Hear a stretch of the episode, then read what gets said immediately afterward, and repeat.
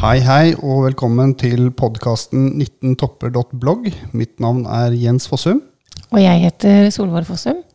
Og i dag så har vi med oss en gjest, og det er Hanan Abderrahman. Er det riktig, Hanan? Veldig bra. Imponerende. uh, og vi har snakka litt om introduksjonen, og vi har jo eh, vært interessert i deg lenge, holdt jeg på å si, i forhold til at du er en uh, friluftsentusiast. Men du er også kjent som en mattenerd. Riktig. Ja, I tillegg til å være mamma og kjæreste og kone. Mm. Ja. Ja, du eh, jeg, jeg la egentlig merke til deg først eh, på den Facebook-sida til Østmarka. Riktig.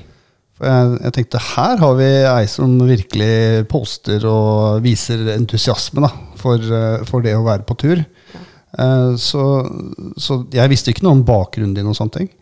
Men um, du kan jo fortelle litt om deg selv, da, kanskje? Altså, navnet mitt eh, er Hanan. Hanan på arabisk. Og ordet hanan på arabisk det betyr uh, følelser, kjærlighet, ømhet. Eh, og jeg kom fra Kairo til eh, Oslo i 2002 eh, sammen med mannen min eh, Mohammed, eh, som jeg ble forelska i i Egypt, Kairo. Mm.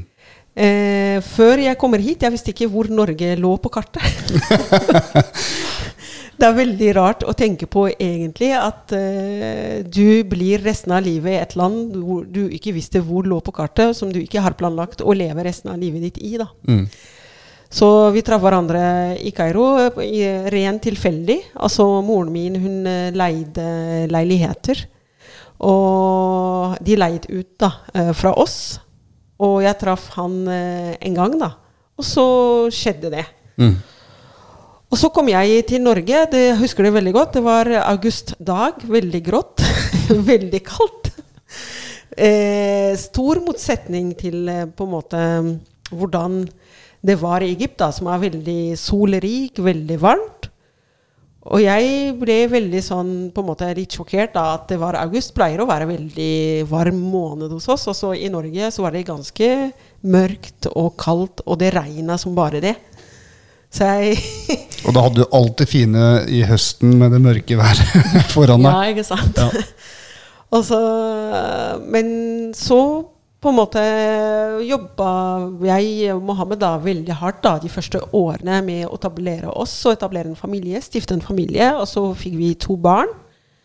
Eh, og mens jeg eh, jobbet, eh, mens jeg på en måte var gravid og fikk barn, små barn, så samtidig så studerte jeg og jobbet. Og så det var veldig hektisk tid, i hvert fall de fem, seks, sju, ti første årene. da. Ja. Det, jeg, har jo vært i, jeg har jo vært i Kairo eh, på ferie. Um, sammen med Nelly. Ja. Jeg husker at det er en, det er en stor by. Mm. Uh, jeg husker at det var veldig spesielt at vi kjørte gjennom ørkenen, og så plutselig så var det et tankskip uh, i kanalen ved siden av. um, jeg husker at det var så ufattelig mye folk, og veldig mye støy, og veldig mye taxier. tror jeg det husker jeg at det var. Veldig mye asfalt. Mye asfalt, ja. Eh, det er vel eh, sånn Bakgrunnen din er vel ganske forskjellig i forhold til det der med Ja. tur og sånne ting. Det gjør man kanskje ikke i Egypt. Det gjorde jeg aldri i den forstanden da Egypt. Og så gå kupert eh, inn i skogen, urskog, eh, sti og alt det der, det, det oppdaget jeg først for fire år siden. Men tur i Egypt, da, eller i vår kultur, det er mer at man går til et eller annet sted som er litt grønt. Eh, parkerer bilen pent eh, et sted, og så går man fra bilen kanskje halv kilometer i veldig flatt terreng. og så setter man seg ned på et fint pledd, og så har man med den svære piknikkurven. da.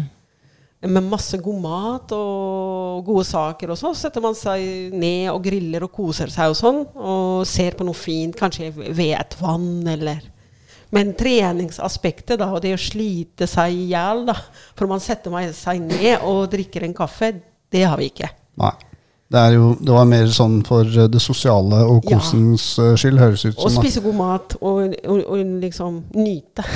Men sikkert å være sammen, da. Ja. Ja. Det sosiale aspektet er veldig fint, da, fordi når man er i sånne type turer da, som jeg forteller om, så er man som regel eh, stor familie, eller mange familier eller mange venner sammen, da. Mm. Du har jo eh, tatt en mastergrad i matematikk, så du er, eh, du Matematikkdidaktikk. riktig. Ja. Uh, og du fikk jo Holmboeprisen i 2017. 2017, ja, for eh, Norges beste mattelærer. Det er jo litt av en, eh, en utmerkelse å få, da.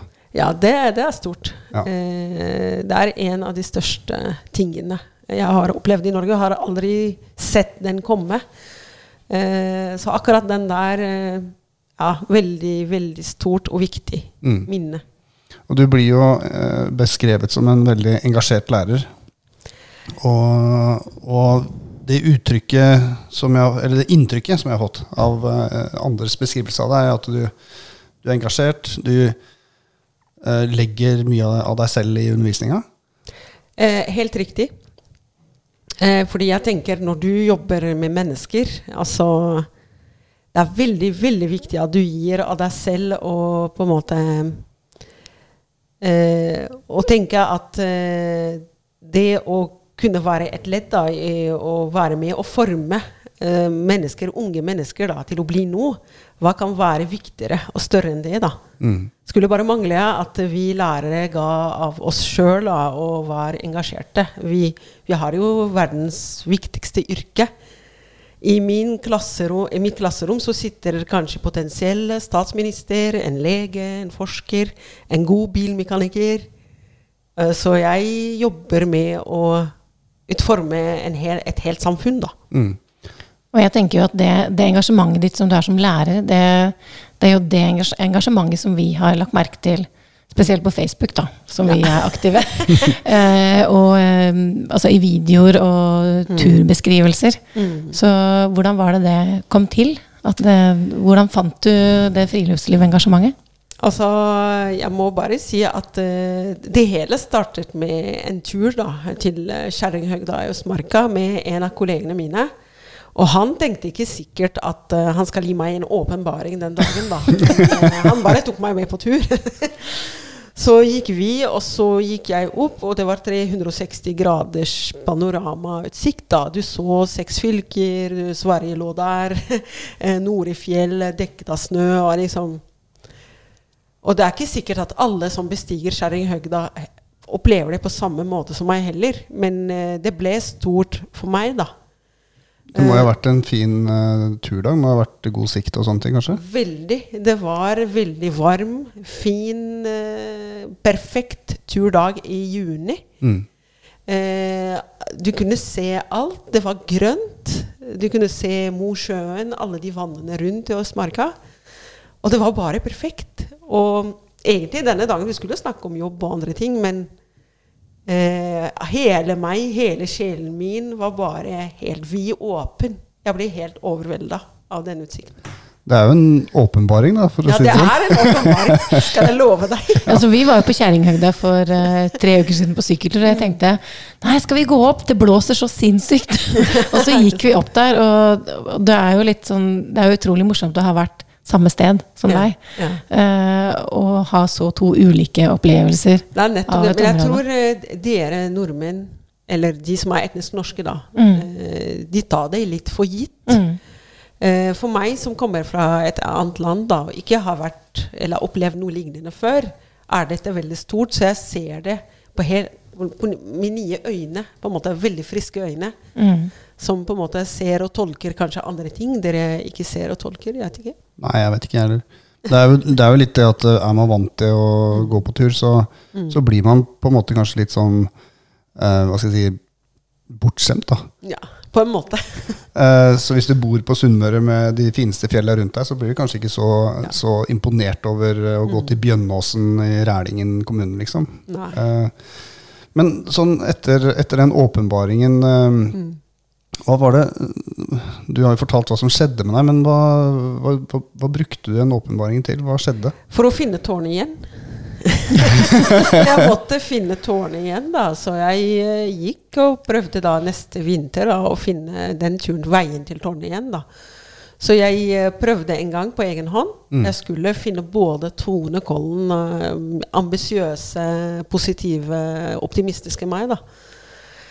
Men eh, jeg klarte ikke. Det var bomtur. Og jeg husker veldig godt at eh, eh, det ble veldig mørkt. Jeg ble litt sånn skeptisk og redd, da. Så jeg gikk og banket på første dør i skogen, og så kan du vær snill kjøre meg til nærmeste busstopp. jeg var ikke så flink i kart å orientere meg i skogen fordi jeg var veldig fersk, da. Ja. Og så gangen etter prøvde jeg igjen å finne tårnet. Jeg måtte absolutt tilbake.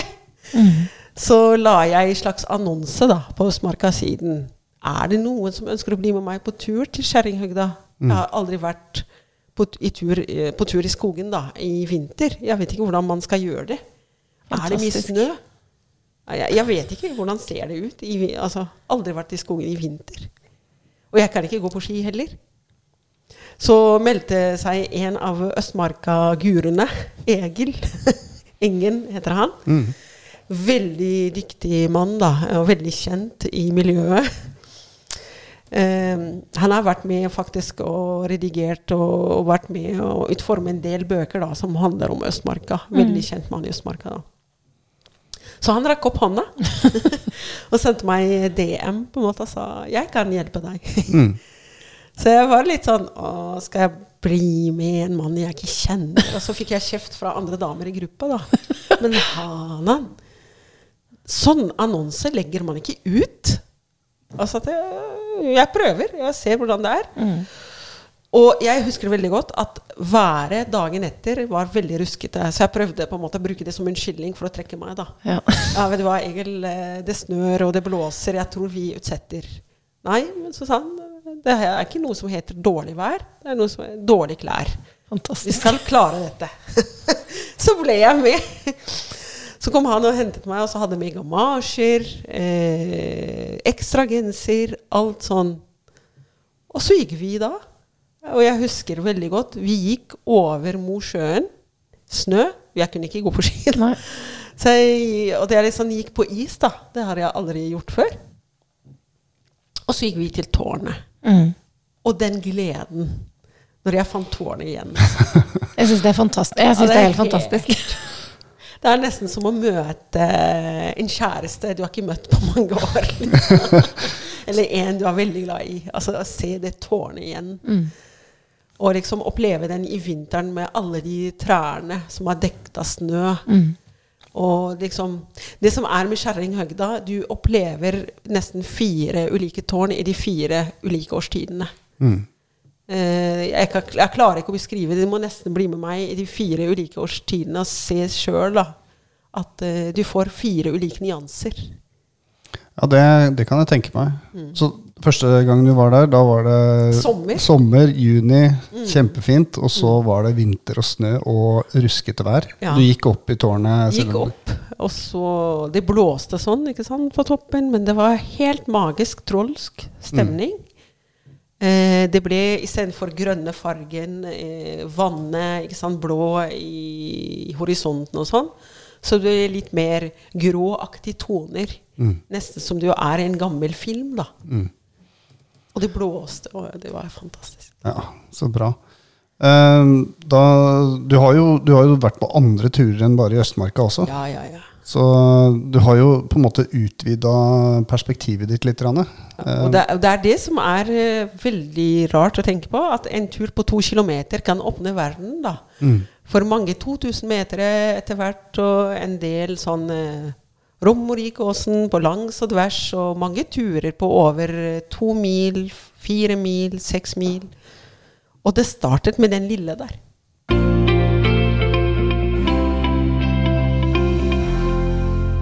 Ja, Hanan, du eh, har jo vært på turer utover Østmarka-turer.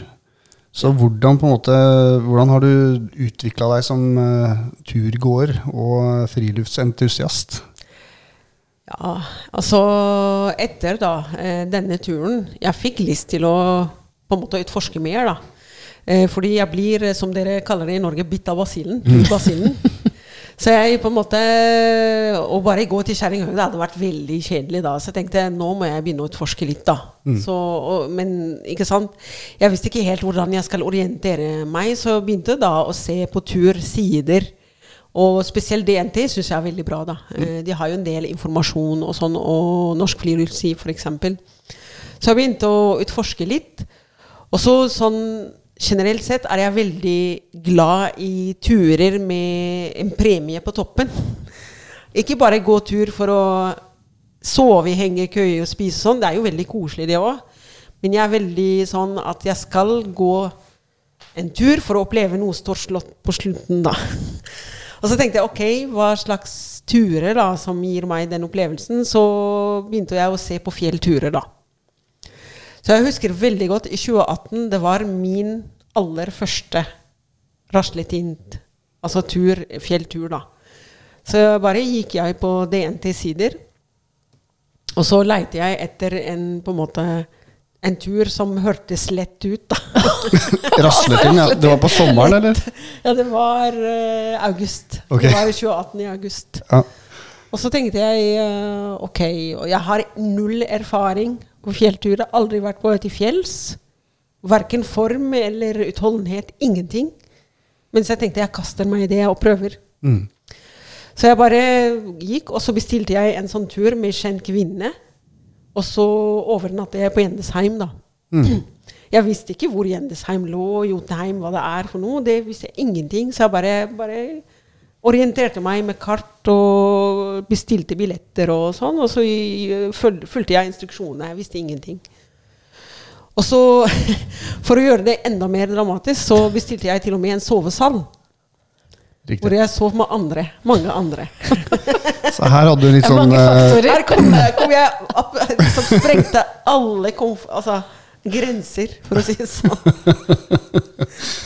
ja, altså, Og Gjendesheim i august, da var du ikke aleine der, tror jeg? Nei da. Mange før korona, vet du. Ja. Så det rommet sovesal, fordi det var litt dyrt, da. Mm. Så jeg tenkte ok, jeg bestiller sovesal, og da lå jeg tett i tett, mange senger i samme sal, ikke sant, med nesten ti personer jeg ikke kjenner. jeg er den eneste utlendingen inni der. og så skulle vi da til Rasletin. Så møtte jeg hun kjente kvinnene, da, eh, dagen etter. Og så greit, la oss begynne, da. Vi går. ikke sant? Og så begynte vi å gå og gå og gå. Jeg, vi gikk og gikk og gikk, og så begynte det å stige. ikke sant? Begynte å bli veldig andpusten. Eh, det er masse steiner. Og så måtte Spesielt på vei ned, da husker jeg veldig godt, det var veldig skummelt. og det er veldig steiner. Det er skikkelig steinrøys da, eh, opp til Raslitin. Og så jeg, Nå skjønte jeg endelig da hvorfor, når jeg skrev Raslitin, da jeg skal på tur til Raslitin Eller jeg spurte folk, da. Hvorfor de advarte meg da. Når de begynner å begynne sånn voldsomt med Alle sa nei, begynn med Gaustatoppen, et eller annet sånn light, på en måte. da Men så jeg, gikk jeg rett til 2000 meter topp i Jotunheimen, rasletiden, liksom. Som folk tar på ski i vinter for å slippe hvor steinete det er. Mm. Ja, fordi vi har vært der på ski. Ja, ja, vi har vært der på ski. Men det er eh, det er en drøy det er en fin, Men gikk du fra Gjendesheim til Jeg gikk fra Gjendesheim. Altså, vi, tok, eh, vi kjørte eh, til eh, et startpunkt, og så gikk vi Ja. opp, da. Men det må jo ha vært en sånn Må ha brukt seks, sju, åtte timer? Vi eller? brukte noe sånt, ja. Og så måtte vi stoppe litt. Og så, du vet at været skifter veldig da i fjellet. Så det var, det var sommer, det var vår, og så begynte det å hagle plutselig i snø. altså, så det var Men det var for en opplevelse Mm. når jeg kom til toppen da, og den varden oppe på toppen. Det var stort. Ja, det må jeg si. Og det var ikke veldig bra sikte heller. Første fjelltur i mitt liv. Gikk seks-sju kilometer, eh, så mange kilometer da, i steinrøys, og så ble det ikke noe sikte på meg når jeg kom på toppen. Det var sånn litt på vei ned, da. At vi begynte å få litt utsikt, da. Mm. Men allikevel eh, Jeg husker veldig godt hvor stolt jeg var. Ja. At jeg på en måte pushet en ny grense. Mm. At jeg mestret noe jeg hadde aldri trodd kroppen min kunne mestre. Og det der, det er jo Det er noe av den deiligste følelsen Ja. som vi mennesker kan ha. da At vi kjenner at vi klarer noe. Jeg vokste Ja. på den turen, altså. Og så tenker jeg det å bli så stolt og kjenne den mestringen eh, når du ikke engang har hatt sikt på toppen. Altså, fordi at jeg ser at du får helt tårer i øya. Eh, og det er litt sånn der, um, Det er jo sånne opplevelser som vi har med barna òg, og, og, eller- og aleine. Hvor uh, jeg bare kjenner at jeg får sånn At tårene renner litt på kinna når vi f.eks. kjører ned på ski igjen. Ja, ja, ja. Eh, og det er jo tydelig at det har gjort noe med deg, fordi at du stoppa jo ikke der. Nei. Fordi eh, jeg tror denne turen også var litt vendepunkt etter en del turvalg, da. Fordi jeg tenkte eh, Hvis jeg klarte den turen med så elendig på startpunkt, da jeg, er ikke noe, jeg er ikke noe sånn fjellracer, ja. Altså, eller det, kroppen min er ikke spesielt sterkere enn andre. Nei. Men allikevel så klarte kroppen min å håndtere den turen. Da håndterer jeg det meste. Det sitter jo veldig mye i huet, da. Det er jo det som er at vi, vi tåler jo mye mer enn det vi egentlig tror. Ja. Og du, ja, du har vel eh, du har vel noen eksempler fra det fra deg som eh, turleder også, tenker jeg. Mm. sikter nå til en, eh, en tur som du tok med deg noen folk til, eh, noen damer til Tonekollen. Ja. Så jeg vet ikke om du kan fortelle litt om, om det? Jeg, eh, eh, jeg benytter samtidig sjansen da for å hilse veldig på fantastiske turvenninna mi eh, som heter Lamia, da, eh, som har stiftet gruppen Søstre og i friluft mm. i 2014, hvis jeg husker riktig. Og denne turen er satt sammen av mange flotte marokkanske damer, da. Og de, de drar på tur minst en mil, da. Veldig tøffe damer. Så sa de, de at de hørte veldig da om Kjerringhøgda og Tonekollen. De så at jeg skrev veldig mye om det, da. Men Hanan kan du ikke være med og guide oss, da. Til den Tonekollen. er dere er sikre litt, på det? den er litt våg, mer vågal enn Kjerringhøgda, har jeg hørt. Er dere sikre på det, damer? og så ble med oss eh, veldig god venninne som jeg er utrolig kjempeglad i, som heter Hege, da. Så greit. Vi møttes ved Bysete Målsand, som er vanlig startpunkt da, for denne turen. Mm. Parkerte vi, og så gikk vi, begynte vi å gå. ikke sant? Og den turen den vi gikk først, da, den er nesten eh, to mil, da, denne varianten vi tok. Fordi vi tok rundtur. Vi gikk ikke og kom tilbake, men vi tok en rundtur, da. Og jeg husker veldig godt at vi hadde to damer med oss. Den ene var 72 år gammel, og den andre var 65. Og så gikk vi og gikk, og så gikk vi først i Vangen skistue, som er veldig kjent i Østmarka, og så gikk vi videre til Tonevann, og så gikk vi da det stykket i Flikten rute, og videre da opp til uh, Tonekollen. Og den siste partiet der, det er veldig bratt. Og der var 72-åringen veldig usikker. Kommer jeg til å klare dette? Jo, det klarer du. Så begynte vi å dytte henne oppover. Alle sammen. Og jeg bare husker uh, veldig godt hvor stolte de damene ble. De var veldig slitne. De var veldig sinte på oss tre som ledet den turen. Men allikevel, da. Det ble skikkelig Og de er sånn, du skulle tro nesten at de skal aldri dra på tur med oss igjen da, etter den turen. Men om det er en tur som virkelig sitter i minnet da, mm. disse damene, så er det den turen. Og jeg husker veldig godt en av damene da, eh, som så på meg, og, og plutselig kom det en ærlig sånn Vet du hva, Hanan? Etter den turen til Tonekollen så tror jeg jeg klarer det meste i livet. Så jeg tror eh, det å mestre en vanskelig tur, det, det har absolutt overføringsverdi da, til mange andre ting i livet vårt. da. At eh, det gir oss indre styrke eh, og motivasjon til å når, når det på en måte er verst eller noe er vanskelig da, og butter skikkelig i livet vårt, at man kan ha det som referanse. da. Jeg tror det er sånn at vi er Vi er vant til å gi opp når vi ikke har troa på noe. Så av og til så må vi dyttes. Litt sånn som du faktisk gjorde. Fysisk. Fysisk dytter dem ut og får eh, vist at eh, du klarer faktisk dette her. Og samtidig ønsker jeg å berømme selvfølgelig hun Lamia, da, som stifta den gruppen. Og at uh, veldig takknemlig at jeg får lov uh, til å bidra noen ganger. da. Mm. Men jeg tror også det at uh, det er jo litt sånn som når vi går på tur, kanskje spesielt med barna våre. fordi når vi to Jens går aleine, så er det ikke så mye dårlig stemning. Men eh, innimellom, hvis vi er på lange turer, så er det jo eh, perioder i løpet av en dag hvor det er litt dårlig stemning. Litt sånn som det var. Eh, hvor de kanskje angra på at de hadde vært med, eller var litt forbanna, eller ikke sant. Og det er så viktig å komme seg gjennom det, ikke sant. Og eh, over på andre siden og kjenne den stoltheten og mestringen. Og så å snakke om det, sånn som vi ofte gjør eh, når vi har vært på tur, og som jeg gjør på jobb i barnehage, og sikkert du som lærer òg. Mm. Altså, det var skikkelig kjipt, og så klarte du det allikevel. Og det, eh, det er jo liksom som vi snakker om når vi er på tur, det å komme forbi den kritiske halvtimen også. eh, som jeg tror mange Ja. ikke gjør da, på tur. Eh, og da går de glipp av ganske mye mestring. Enig. Sånn i forhold til um, å få uh, hva skal jeg si, spesielt innvandrere til å gå på tur. En ting er jo Sånne grupper er jo helt fantastisk bra. Mm. du er jo engasjert i, i en slags bevegelse rundt det òg, er det ikke det? Ja, på en måte. Jeg satt i hvert fall eh, de to siste to-tre årene da, i noe som heter rådgivende gruppe i Norsk Friluftsliv. eh, hvor hovedmålet er å på en måte inspirere eh, alle grupper i samfunnet, spesielt de med minoritetsbakgrunn, da, innvandrere, til å eh, på en måte drive med friluftsliv da, og få dem ut i naturen. Ja, det, det er vel ikke tvang vi snakker om her. For det Nei. bør jo være en, en viss grad av frivillighet for, for å gå på tur. Eh, Men, men jeg tenker, altså, det er mange som ikke veit, rett og slett. Som ikke fikk tilbud. Eller, eh, altså, det er veldig vanskelig når du ikke har vokst med noe selv da, og hatt det som tradisjon i din familie, og sånn, at du plutselig skal begynne med det. Da. Så jeg tror, spesielt i Norge, da, skolen har veldig viktig rolle. Eh, friluftsorganisasjoner da, har veldig viktig rolle.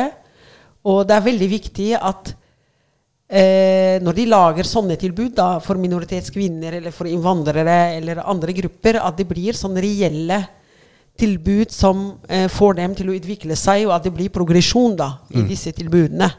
At det ikke blir bare den samme runde rundt Sognsvann en gang i måneden, liksom. Nei, det er uh... Det tror jeg ikke mange vokser på. si sånn. Nei, eller at de går til samme sted og har med seg en engangsgrill og, Ja. og griller halalpølse, liksom. Ja. Det er litt ja, hva, hva, hva lærer man av det? Det er det samme som man gjør på Ekeberg, da. Ja, og vi, vi har jo snakka en del om det der med å komme i gang. For at det, altså, det er ikke bare innvandrere som trenger å få, få bevege litt på seg. Den derre dørstokkmila som vi prater om, den kan være ganske, ganske drøy noen Så ganger. vi kan også kjenne på den. I, absolutt. uh, men en av tingene som jeg tror eh, mange tenker er en, eh, en sånn bøyg, da, det er jo utstyr. Og man trenger vel kanskje egentlig ikke så mye utstyr for å gå, begynne å gå på tur, i hvert fall. Nei, i det hele tatt.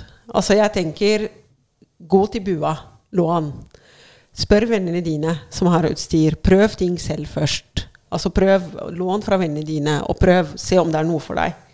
Og så er det en del brukt marked som er veldig bra og veldig skånsom og sparer miljøet. Jeg kjøper bare brukt, jeg. De beste fjellstøvlene mine har jeg kjøpt brukt, jeg. Det er en ferdig inngått.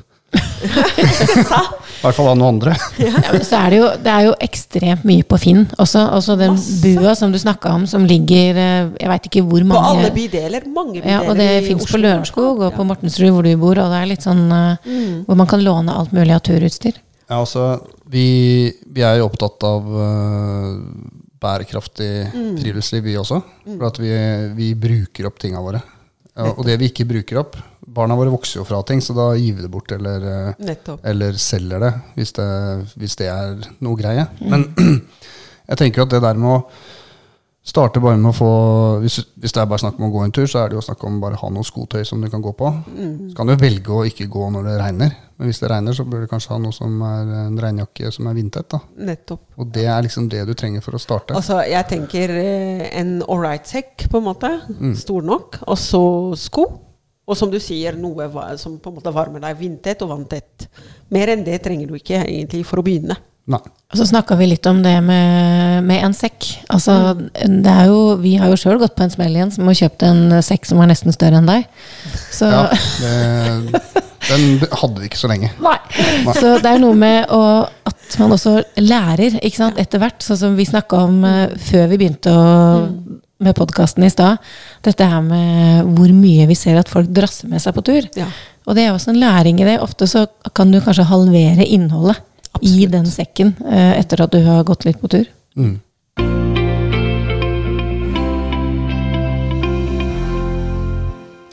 Ja, Hanan, vi veit at uh, i denne prosessen med å bli en friluftsliventusiast, så har du hatt noen målsetninger underveis. Kan ikke du si litt om det?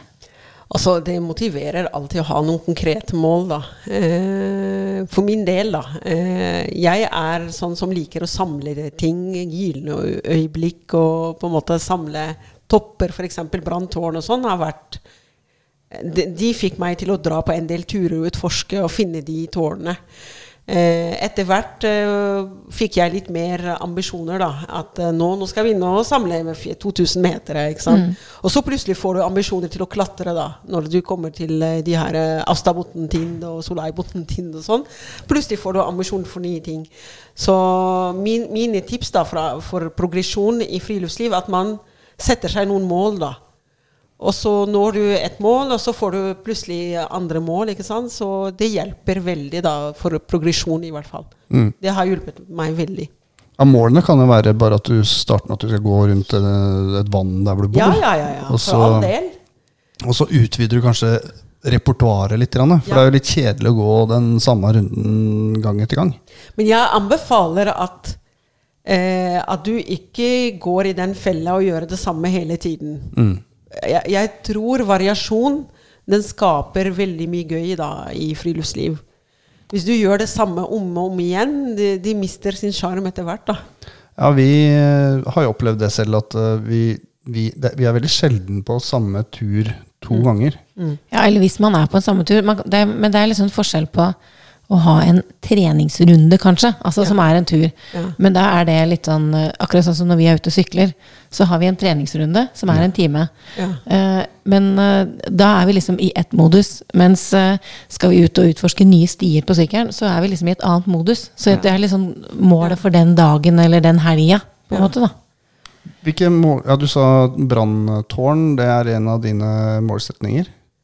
Altså, ja, å samle tårn.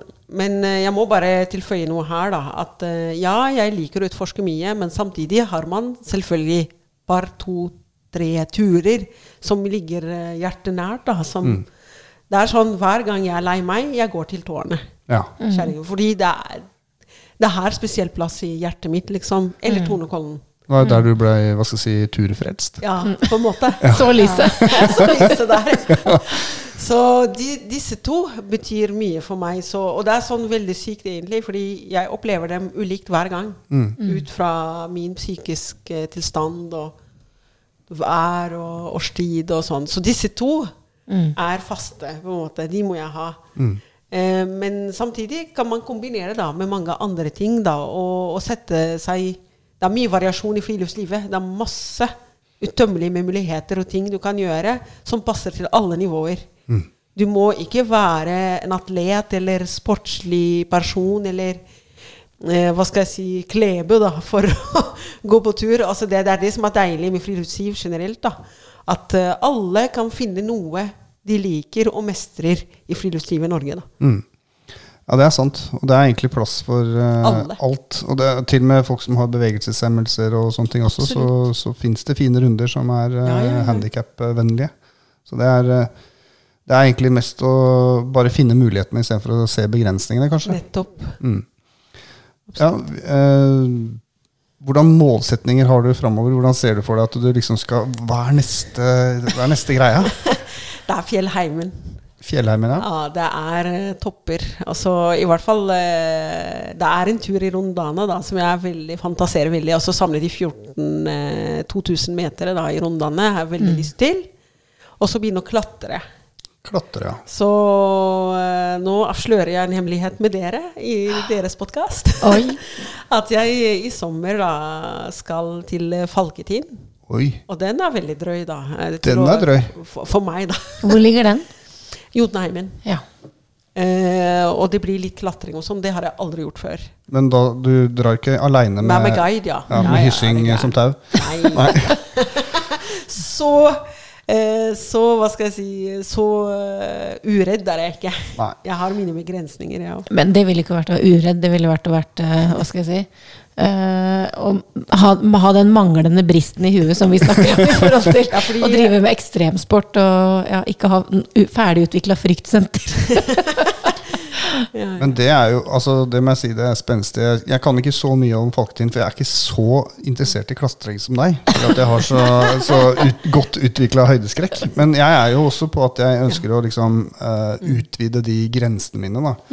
Eh, og Jotunheimen, det er jo helt vilt hvor mye det er å plukke oppi der. Ja, det er masse. Altså, jeg har, jeg har mye som jeg gleder meg til. Men samtidig er det veldig viktig at den glitrende bildet da, som dukker opp i sosiale medier, Zoomi og sånn, da, om tur og Alt er skinnende og fint, og det er solnedganger og sånn. At en, en viktig del av å gå på tur ute i naturen, at man skal vise respekt til naturen.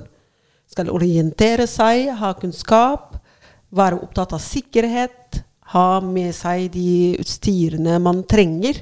Så det er ikke bare å kaste seg i hva som helst. Man, ja, en ting er å gå en runde i skogen, eh, i nær skogen din, og en annen ting f.eks. å gå på en sånn fjelltur. da. Mm. Så Ja, jeg, tror nok, jeg tror nok hvis du tror Hvis du sitter på Instagram og så hashtag friluftsliv eller noe sånt, da, ja. Og så ser du alle de fine bildene fra, fra Jotunheimen eller Lofoten med klar himmel og solnedgang og alt mulig sånt. Da får du deg en liten overraskelse når du Så det, først jo, har tenkt deg ut. det, er de færreste som, altså det er de færreste turer som er sånn. Altså, de fleste turer så er vi litt svette på ryggen, og Ja, ja. vi er litt corny på håret, og vi har kanskje ikke dusja på et par dager. så, så det er liksom, virkeligheten er ofte en litt annen, da. Ja, så, så ut fra liksom det du har eh, Eller det vi har snakka om i dag, da. Det er jo det derre at eh, man må jo starte et eller annet sted.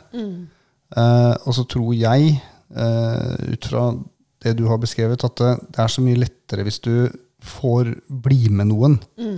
Eh, fordi at det, det, er, det er ikke alt her i livet som er så gøy å gjøre aleine. Nei, og det gir jo trygghet, og det gir jo motivasjon eh, når du er sammen med andre de første gangene. Da, eh, da har du noen å spare deg med, på en måte. da. Ja, du snakka om sikkerhet også. Eh, hva er det du pleier å ha med deg for at du skal være sikker? Det høres jo litt sånn dramatisk ut, men eh, det, er, det er veldig viktig. Altså, når du snakker om sikkerhet, f.eks. Eh, under pandemi nå ikke sant, i Norge, så det er det mange som har begynt å gå på tur da, plutselig. ikke sant? Og, og så leser man de skrekkhistoriene da, til folk som har dratt i Besseggen, og det er veldig tøff tur. Mm. Og så i uh, Converse-sko og uten nok mat og sånn. Det, det, det er ikke sånn det funker, da. Så jeg, til og med i de korte skogsturene mine, fast i sekken min, så har jeg nok mat som er lett å bære, som er næringsrikt. Kan, kan være energibar, det kan være nøtter, dadler, vann. Nok vann. Og så har jeg med sånn førstehjelputstyr, sånn liten kit i hvert fall. Og så har jeg kanskje hodelykt, da, som er fullada. Og så har jeg alltid powerbank til mobilen min. Og så har jeg med kanskje sportsteip i tilfelle man får gnagsår eller noe sånt. Så disse er fast i sekken min. Jeg drar aldri på tur uten de, og kanskje en liten liggeunderlag og en pose, da. Plastpose, da, hvis jeg skal plukke søppel. Det høres ut som at du akkurat som også hatt noen sånne erfaringer som har gjort at det der Ja. grunnkittet ditt på en måte har blitt, eh, blitt sånn som det har blitt. Det er vel erfaringsbasert, tenker jeg. Så øh, jeg bare tenker Det er veldig viktig og, og det er veldig viktig også å ikke overtenke og overkomplisere heller, da. At man, hvis man har disse her, så går det greit, på en måte, da. Mm. For de fleste. Så litt, eh, litt planlegging kan kanskje Mm. være greit også, sånn at du veit sånn cirka hvor du skal gå, hvor langt det er, og hvordan grensa di kanskje Mm. er selv. Um, men er det mm, Ja, vi begynner vel kanskje å nærme oss uh, slutten her nå, gjør vi ikke det? Jeg tror vi kunne ha snakka utrolig lenge. Ja. Så vi får prøve å begrense det som er på tape, i hvert fall. Ja. Um, jeg tror vi kan si sånn at det har vært veldig inspirerende å ha deg her. Uh, det var ikke uten grunn at vi inviterte deg. Vi kjenner jo deg ikke fra før av. Men jeg tenkte jo når jeg så dine innlegg og sånne ting på Østmarka-sidene på Facebook spesielt, at her har vi, her har vi Hanan. Hun, uh, hun skal på tur, og hun deler at uh, hun gleder seg over, over det. Og så har det jo vært sånn at eh, jeg skjønte på en måte ut fra når vi gjorde litt research, at det er sånn du er, tror jeg. Og det er det som er også deg i klasserommet, som gjorde at du ble kåra til Norges beste mattelærer. Og det tenker jeg at eh, de er heldige, de som får lov til å være med deg på tur. Tusen takk. Da tror jeg vi runder av. Så håper jeg at vi, at eh, vi kan inspirere deg, og at du kan inspirere oss i åra fremover. Ja. Og at vi ses igjen. Ja. Takk. Ha det bra.